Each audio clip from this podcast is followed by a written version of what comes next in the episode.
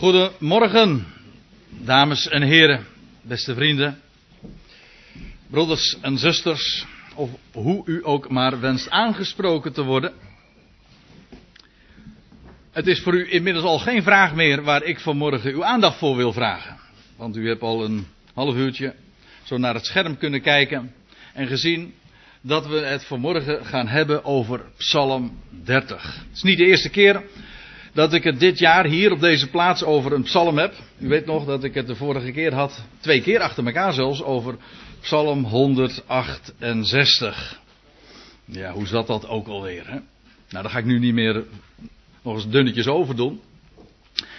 Maar ik wil vanmorgen dus uw aandacht vragen voor Psalm 30. En als thema heb ik daar uitgelicht, wat je in een van die laatste versen van die psalm vindt, dat er gesproken wordt over een rouwklacht die God verkeert, omkeert in een rijdans. Nou, de meest systematische manier om een psalm, en welk bijbelgedeelte trouwens ook, te bespreken, is altijd nog gewoon beginnen bij het begin. De psalm telt 13 versen en we komen vanzelf wel bij vers 13 aan. In psalm 1, uh, psalm 30, vers 1, dat is wat ik bedoel. Daar staat in vers 1 dus een psalm, een lied voor de tempelwijding van David. Maar degenen die een statenvertaling hebben, die lezen iets anders. Dat begint meteen al het probleem. Die lezen dit. Een psalm, een lied, der inwijding van Davids huis. Waar gaat het nou over? Is het een lied dat gecomponeerd is voor de wijding van de tempel? Of is het gewijd, of is het een lied voor de inwijding van Davids huis?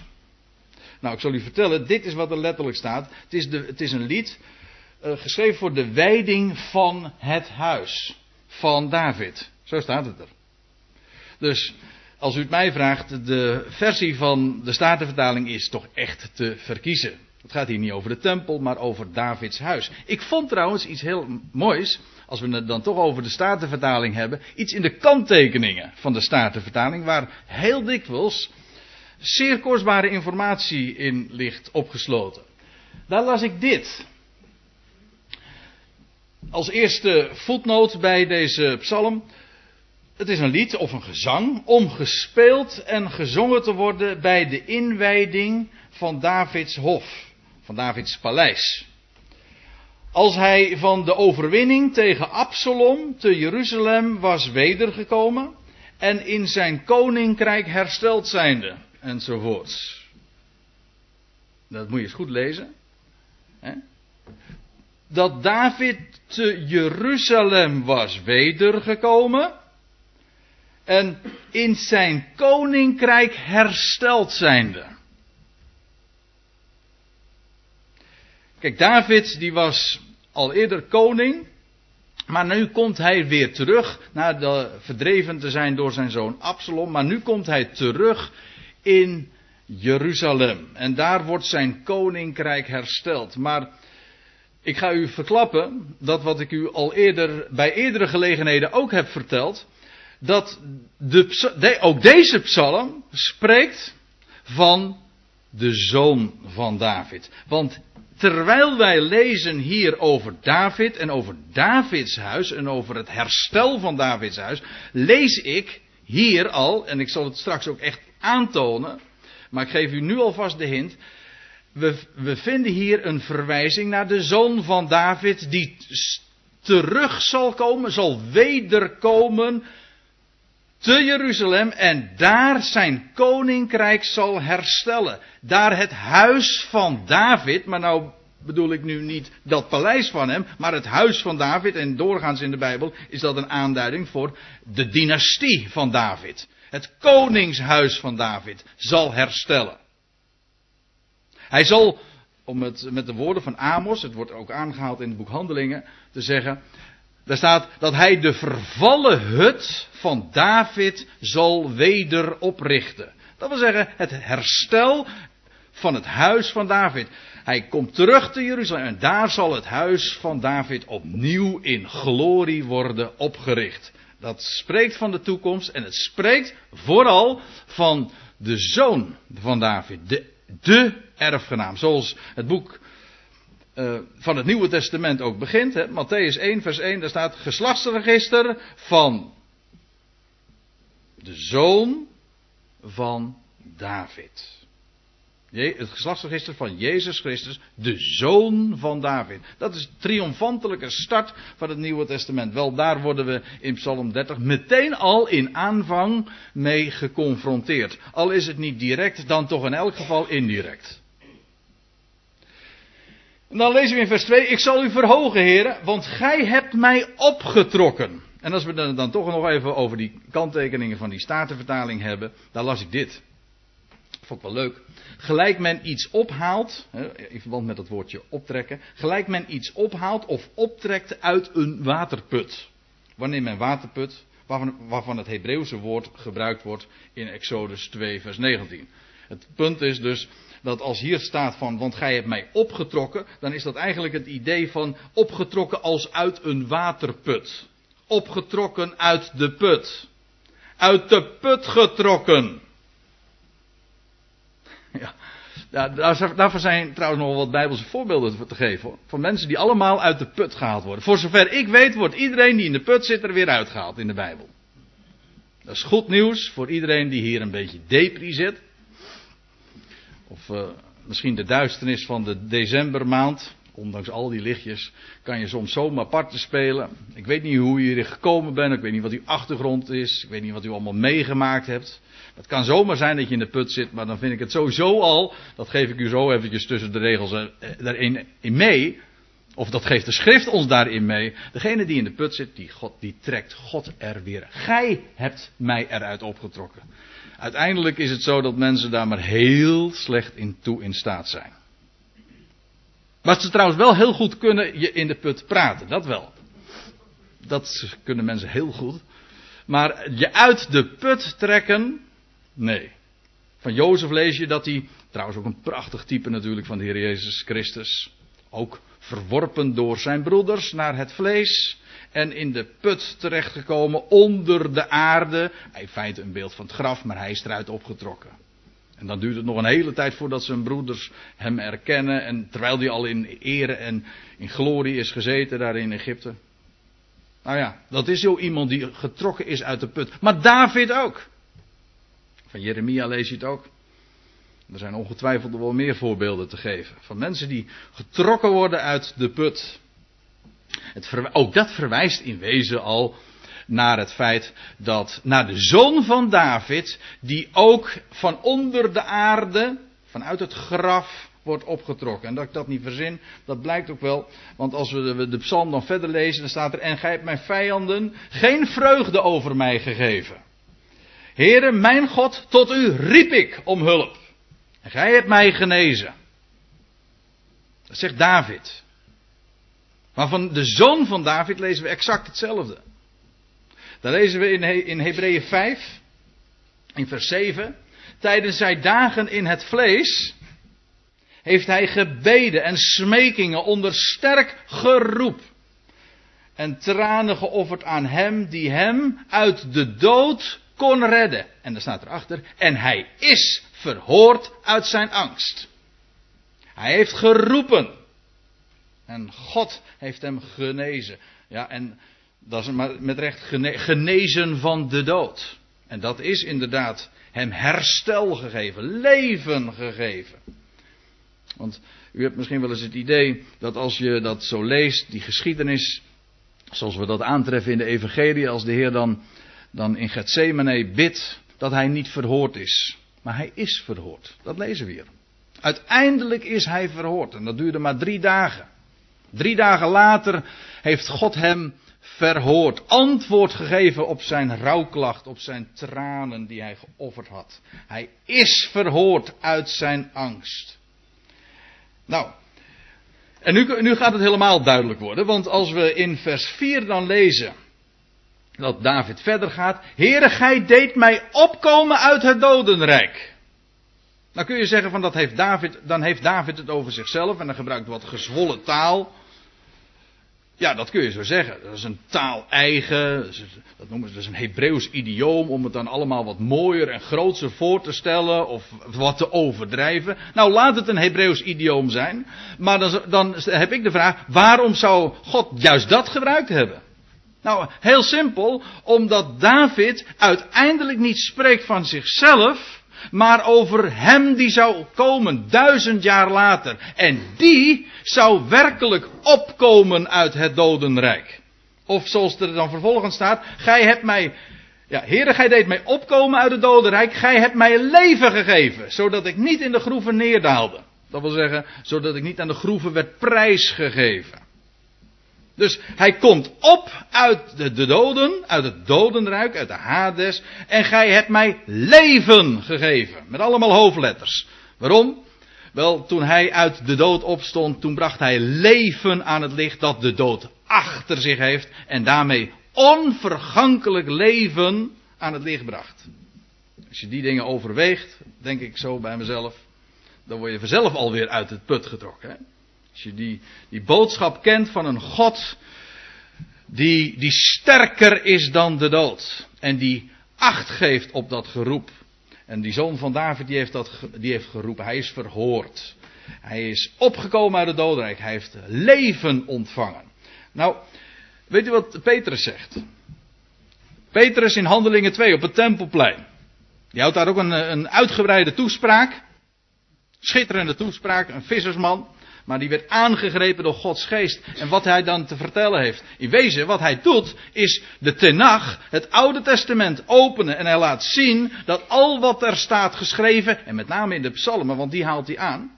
Dat wat hij leest in de psalmen, dat dat betrekking heeft op de Christus. Oftewel, de gezalfde. Oftewel, de Mashiach, de Messias.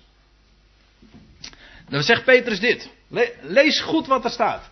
Mannenbroeders, men mag vrij uit tot u zeggen van de aartsvader David, want dat was inmiddels alweer duizend jaar terug dat hij begraven was. Men mag vrij uit tot u zeggen van de aartsvader David dat hij en gestorven en begraven is en zijn graf is bij ons tot op deze dag. Daar hij nu een profeet was, een voorzegger, dat wil zeggen iemand die dingen zei aangaande de toekomst, dat vind ik mooi hoor. Dat hij een profeet was. In de meeste verklaringen die ik lees over de psalmen, dan wordt er vooral gezegd van, ja dat is poëzie. David was een poëet. Spreek ik niet tegen. Maar dat is niet de clue waar het om gaat. David was een profeet. Dat is wat Petrus hier zegt. Daar hij nu een profeet was en wist dat God hem onder ede gezworen had, in 2 Samuel 7 kunt u dat lezen, dat God hem onder ede gezworen heeft, had, één uit de vrucht van zijn lendenen op zijn troon te doen zitten. Dat wil zeggen, een lijfelijke nakomeling van hem zou ooit op de troon van David gaan plaatsnemen. Daar in Jeruzalem. lees je verder in vers 31. Hij heeft in de toekomst gezien en gesproken van de opstanding van de Christus. Dat hij, de Christus dus, niet aan het dodenrijk is overgelaten, nog zijn vlees ontbinding heeft gezien. En ik weet, Petrus heeft het hier niet over Psalm 30, maar over Psalm 16. Maar dat, ook dat is een psalm van David. En ook die psalm gaat over de opstanding uit de doden. En ik zal u vertellen, zoveel meer psalmen gaan daarover. En allemaal met datzelfde thema van de Christus. Die zou komen. En die de grote overwinning zou behalen. David, die spreekt profetie uit. Dan lees ik verder in vers 5.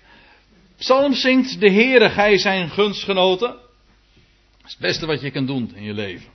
En looft zijn heilige naam. Hoezo? Nou, daar staat iets heel moois daarbij. Want een ogenblik duurt zijn toren. Een leven lang zijn welbehagen. Dat is mooi. Het gaat natuurlijk over, over David, dat is waar. Maar daarboven, of daarachter, zo moet ik het eigenlijk zeggen, daarachter zie je de, de figuur verschijnen zie je zo opdoemen als in de beschrijving van de zoon van David, die inderdaad leed en stierf aan een kruis. Maar een korte tijd daarna, op de derde dag, voor altoos, nieuw leven aan het licht bracht. Maar het is ook een algemeen Bijbels principe. Kijk, Gods toren in de Bijbel, Gods oordeel, is een realiteit. Als u niet geloven wil, moet je die geschiedenis van de zon maar eens lezen. Noach heeft niet voor niks die ark moeten bouwen. De hele wereld is gewoon helemaal is verwoest in die dagen. En anders uh, lees je de geschiedenis een paar hoofdstukken later over Sodom en Gomorra. En heel wat meer geschiedenissen lees je daar waarbij, waarbij Gods toren zichtbaar wordt en een realiteit blijkt te zijn. Moet je nooit wegpoetsen. Hoewel het trouwens opmerkelijk is dat Gods toren inderdaad ook altijd heel snel gebeurt. Als God oordeelt, doet hij dat snel. Ik gaf die voorbeelden van, van de zondvloed, van, van Sodom en Gomorra. Maar er zijn zoveel meer voorbeelden waarbij je ziet dat als God inderdaad oordelend optreedt, dat hij dat snel doet. Maar het is altijd voor een ogenblik. Zo staat het hier. En een leven lang zijn welbagen. Weet u wat er in Klaagliederen 3 staat? Dat is een heel, mooi, heel mooie uitleg daarvan. Want het, het demonstreert nou precies wie onze God is, de God van de Bijbel. Want als Hij bedroefd heeft, en die Hij dat is God, want als God bedroefd heeft, dan ontfermt Hij zich. Naar de grootheid van Zijn gunstbewijzen. Immers niet van harte verdrukt en bedroeft Hij de mensenkinderen. Als God dat doet, dan is dat vreemd werk voor Hem. Hij doet dat niet van harte. Het is altijd opvoedend. Het heeft een doel. God toornt niet om te tornen. Ik geloof ook niet zo in zoiets als een eindeloze toren van God. Dat kan helemaal niet, want zo is onze God niet. Is zijn toren een realiteit? Absoluut. Maar het is altijd, het dient zijn liefde. Het is altijd, zoals hier ook staat, als hij bedroefd heeft, en daarmee zijn doel bereikt heeft, dan ontfermt hij zich naar de grootheid van zijn gunstbewijs. Want het is niet van harte dat hij dat doet. Als hij dat doet, dan heeft dat altijd een doel. Zijn toorn is nooit een doel op zich. Er staat in Jezaja 63 nog een mooi voorbeeld. Dan lees je over de Messias. Ik kom er straks nog eventjes op terug. Maar daar staat want een dag van wraak had ik in de zin. Is de Heer zelf aan het woord. Want een dag van wraak had ik in de zin. En het jaar van, en het jaar van mijn verlossing was gekomen. Zie je? Over de verhouding wraak en verlossing. Hoe, hoe ligt die verhouding? Nou, 1 op 365, om het eens even zo te zeggen.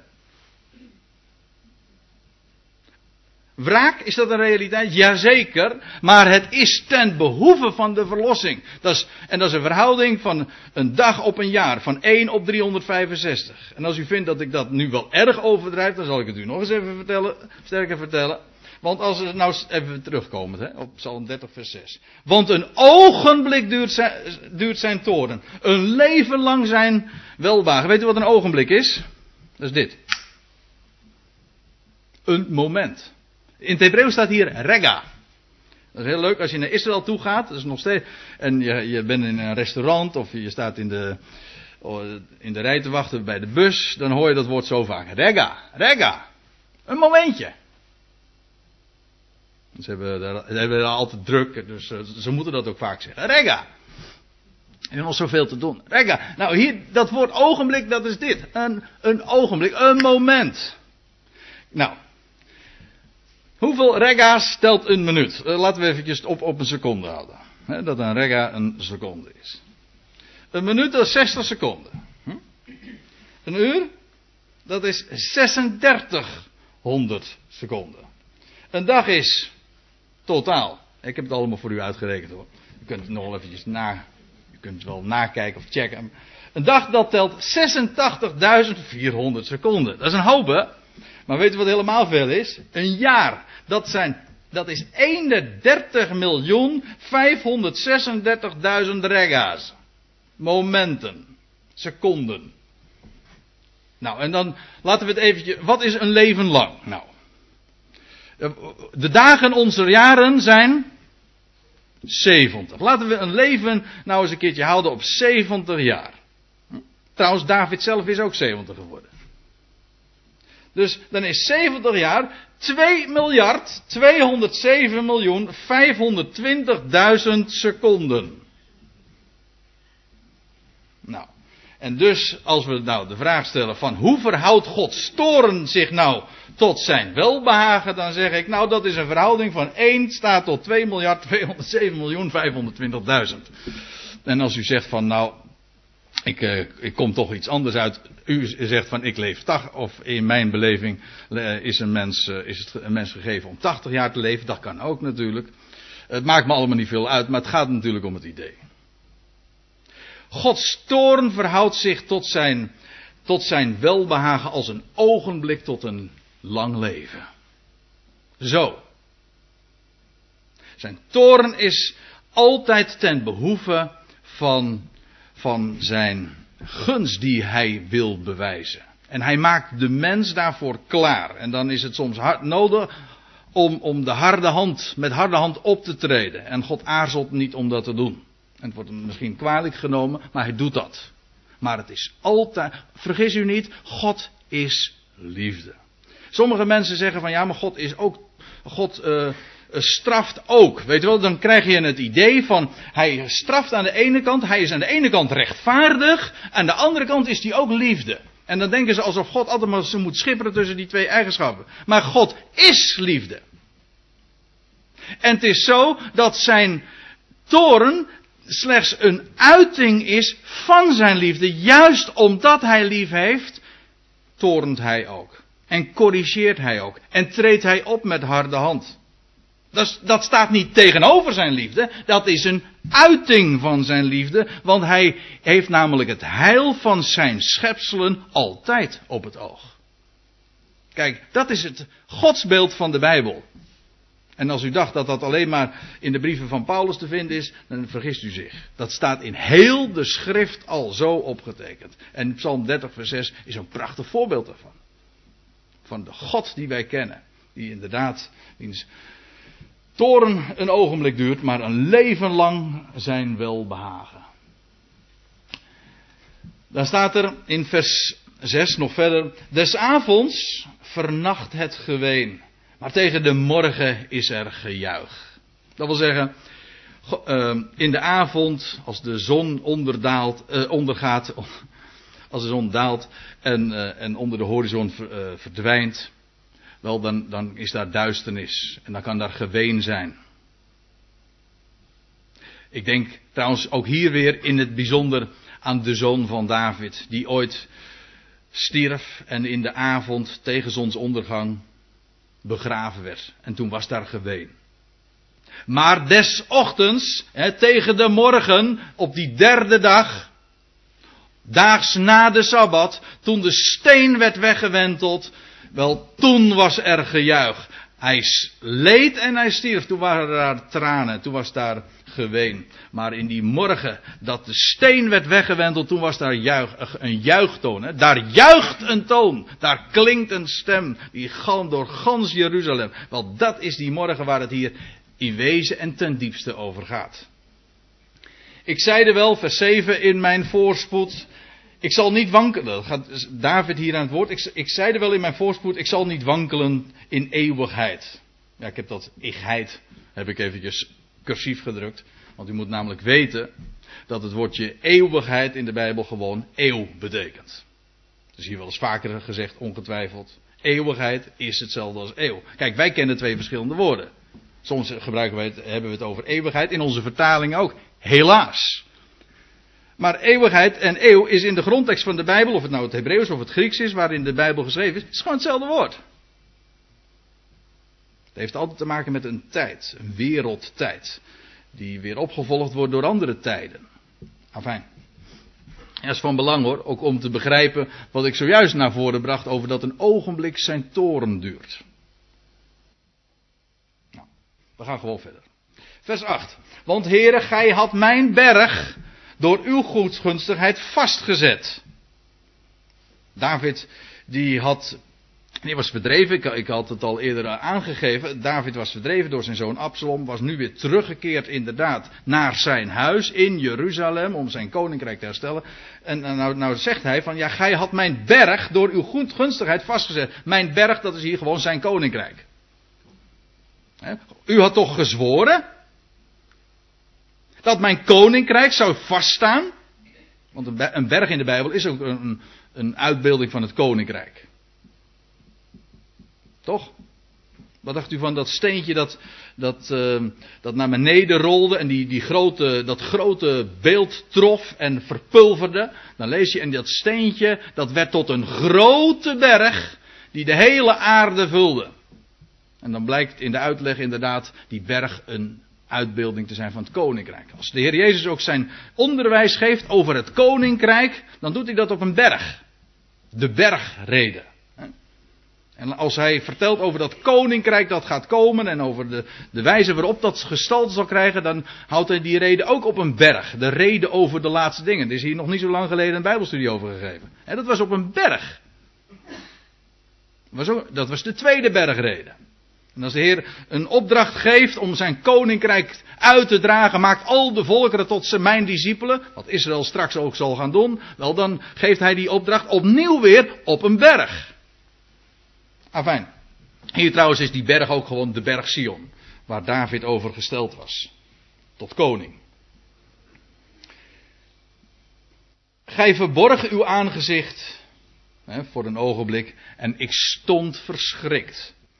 Tot u, heren, riep ik. En tot de heren smeekte ik om genade.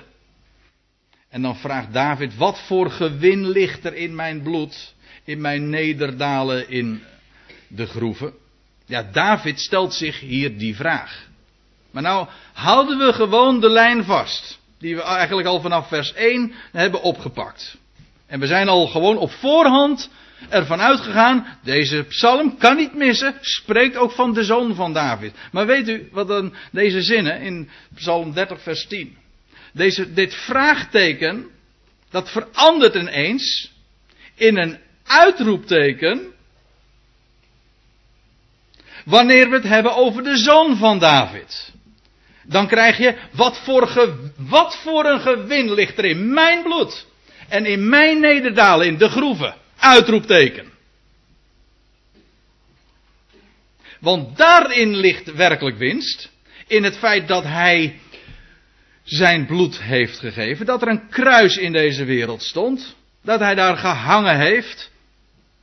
En dat hij leed en stierf. En wat voor gewin ligt er in zijn neerdalen in de groeven? Wel, waarom moest hij neerdalen in de groeven? Waarom moest hij sterven? Wel, het simpele Bijbelse antwoord is: om op te kunnen staan uit de doden en om de levensvorst te geven en om deze wereld het leven te geven en aan het licht te brengen. Daarom, dat is die winst. Dat is de winst van zijn bloed. En van zijn neerdalen in de groeven. Het staat in Colossense 1 vers 2. Over, de, over het wereldwijde zicht dat de schrift ook tekent op, het, op, het, uh, op de winst van het bloed. Hè. God maakt vrede door het bloed van het kruis. En zo alle dingen, staat gewoon het al weder met zich te verzoenen door hem, door de Heer Jezus Christus. Het zij wat op de aarde, het zij wat in de hemel is. Dat wil zeggen, God gaat elke vijand maken in hemel en op aarde tot zijn vriend en tot zijn liefhebber. Hoe? Wel door het bloed van het kruis. Want zo heeft God bewezen dat hij werkelijk van deze wereld houdt. Toch? Hoe veel houdt God van deze wereld? Hoe bewijst hij dat? Wat is het bewijs van zijn liefde? Wel, Kijk naar het kruis van Golgotha. Zelfs als deze wereld hem, zijn zoon, het kostbaarste wat hij heeft, aan het kruis nagelt, dan nog zegt God, ik hou van je. Sterker nog, juist zo, via deze weg, ga ik jullie het leven geven. En op de derde dag was daar, in die ochtend, was daar dat gejuich en werd de steen weggewenteld. En toen was, stond de eersteling op uit het graf en kwam met dat leven aan het licht. Dan staat er in vers 10 nog verder. Kan het stof u loven? Kan dat uw trouw vermelden? Dat is een vraag die je heel vaak in de psalmen vindt. Met name in de psalmen, maar elders in de Bijbel ook. Dat is een, hier een vraag. Het is eigenlijk wel een retorische vraag. Dat wil zeggen, mensen worden geacht het antwoord op die vraag te weten. Weet u, nou ik zal het antwoord geven. Er staat in Psalm 115, niet de doden zullen de Heere loven. Niemand van wie in de stilte zijn neergedaald. Of wat dacht u in Psalm 6? Want in de dood is u er geen gedachtenis. Dat betekent gewoon, in de dood wordt aan u niet gedacht. Wie zou u loven in het dodenrijk? Of, uh, dat is dan een, eh, een ander uh, boek, niet van David, maar van de zoon van David, Salomo, ja. De levende, prediker 9, vers 5, de levenden weten tenminste dat ze sterven moeten. Maar de doden, die weten niks. De Bijbel spreekt ook altijd over de dood als een slaap. Precies wat u vanmorgen, of vannacht ook, tenminste dat neem ik aan, ook gedaan hebt. U hebt uw ogen dicht gedaan en u slaapt. U bent zich van niets bewust. Ja, totdat je gewekt wordt, wakker gemaakt wordt, opgewekt wordt en daardoor ook opstaat. Dan is daar dat leven, dan ben je weer wakker, ja. Prediker 9 vers 10 zegt ook nog zo. Al wat uw hand, mooi hoor, al wat uw hand vindt om naar uw vermogen te doen, doe dat. Want, zegt de prediker dan, heel nuchter, want er is geen werk, geen overleg, of kennis, of wijsheid in het dodenrijk waarheen gij gaat. Nou, daarmee is de vraag toch wel beantwoord die we zojuist in Psalm 9 of Psalm 30 hebben gezien. Hè? Wie zal u loven van hen die van wie in de groeven zijn neergedaald? Het antwoord is hier gegeven. Hoor is, heren, staat er dan in vers 11 van Psalm 30. Hoor, heren, en wees mij genadig. Heren, wees mij een helper. Mijn rouwklacht hebt gij veranderd in een rijdans. Mijn rouwkleed hebt gij losgemaakt en met vreugde mij omgord. En ik heb het expres zo even weergegeven om te laten zien dat die drie zinnen allemaal parallel lopen. Dat is wat God doet. De rouwklacht veranderen in een rijdans. Oftewel, het rouwkleed maakt hij los en hij geeft er een ander kleed voor in de plaats. Hij omgort David met vreugde. En hoezeer dit ook waar is geweest voor David, de ultieme vervulling is toch weer te vinden bij de zoon van David. En bij hen die in de zoon van David begrepen zijn. Er staat in, uh, in Jeremia 31 om, uh, ja, daar hadden we het al eerder trouwens even over, hè. Om uit te roepen, ik, uh, dit is trouwens een foutje. Dit staat niet in Jezaja, in Jeremia 31. Realiseer ik me nu terwijl ik hier sta. Dit staat in Jezaja 63. Ja, excuus. Maar er staat in Jezaja 63 vers 2. Om uit te roepen een jaar van welbehagen des Heren. En een dag van wraken van onze God. Maar we moeten eens lezen wat er vervolgens staat. Om alle treurenden te troosten. Om over de treurende van Sion. Dat is die berg waar David over gesteld was om over de treurende van Sion te beschikken. Dat men hun geven hoofdsieraad in plaats van as. Vreugdeolie in plaats van rouw. Een lofgewaad in plaats van een kwijnende geest. Kijk, dat is wat God doet. En God bij, als enige ook bij machten is te doen. En dat zeg ik dan ook tegen de, nog maar een keer tegen, tegen iedereen die in de, in de put zou mogen zitten. Kijk, God is bij machten om dat te doen. God is God. Hij heeft alles in de hand en hij heeft deze wereld lief en hij heeft iets machtigs in de zin. En hij gaat dit doen. En dit geldt natuurlijk, hier wordt het specifiek gesproken over de treurende van Zion. Maar het is het principe in het algemeen. God is degene die een, een hoofdsieraad geeft in plaats van as. Vreugdeolie in plaats van rouw. En een lofgewaad in plaats van een kwijnende, wegkwijnende geest. En dan staat er nog, tenslotte in vers 13. Opdat mijn eer u psalm zingen en niet zwijgen. Heere mijn God, in eeuwigheid zal ik u loven. Dus het feit dat, dat God dat doet en de rouw verkeert, omkeert in, in vreugde, wel dat is, dat is het motief bij uitstek om onze God, inderdaad zoals hier te staat, te psalm zingen. Kijk, God geeft het, er staat hier op dat mijn eer. Als u een MBG-vertaling hebt, dan ziet u dat er staat op dat mijn ziel. Maar er staat echt hoor, de staatvertaling is correct. Op dat mijn eer. Want God geeft namelijk, uh, heeft David weer zijn, de eer teruggegeven. Hij heeft hem gekroond. Let op wat ik zeg. Hij heeft David gekroond weer met eer en heerlijkheid. En daarom zegt David, zal ik uw psalm zingen en ik zal niet zwijgen. Heere mijn God, in eeuwigheid zal ik u loven. En uiteindelijk is het ook zo dat dat de zin van ons bestaan is. Wat is de zin van ons leven? Dat is dat we Hem loven. Ik vind eigenlijk niet voor niks dat het niet, uh, niet zo gek dat het in Nederlands eigenlijk ook gewoon twee dezelfde woorden zijn. Alleen het klinkt anders. Alleen de klinker is anders. Leven en loven. kunt loven dan ook nog in uh, gewoon opschrijven en dan Engels lezen en dan krijg je love. Le er is ook zo'n uh, zo'n zo'n lied in de Johan de Heer waarin dat zo ge geformuleerd was. Oud-Nederlands. Het ware lieven, leven, loven. Liefde, liefde, leven en loven. Dat is in het Oud-Nederlands allemaal hetzelfde. Alleen de klank is verschillend. De klinker wisselt iedere keer. Maar uiteindelijk, in de essentie teruggebracht, is het hetzelfde. Liefde is leven. Wie leeft, heeft lief. En wie niet lief heeft, leeft niet. En wie niet looft, leeft evenmin.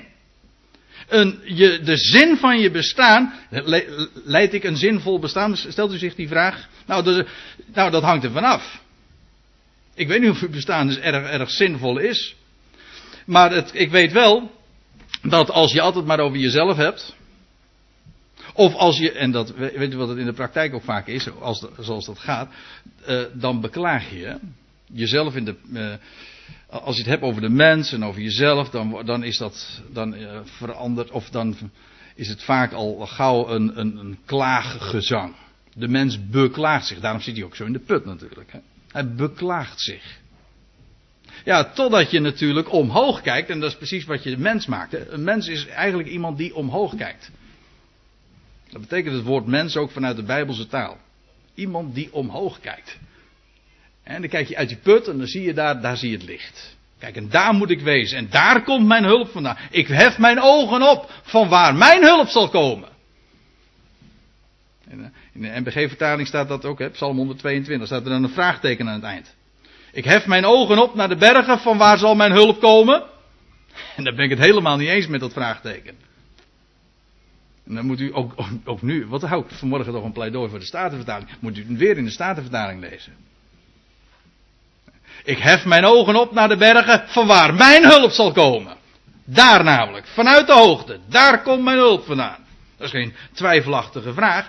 Daar komt de hulp vandaan. Van geen enkel ander. Van mens hoef je het niet te verwachten. Echt niet. Ook niet van degene die zo goed is voor je en wees God dankbaar ervoor. Maar uiteindelijk is er maar één iemand die je kan helpen.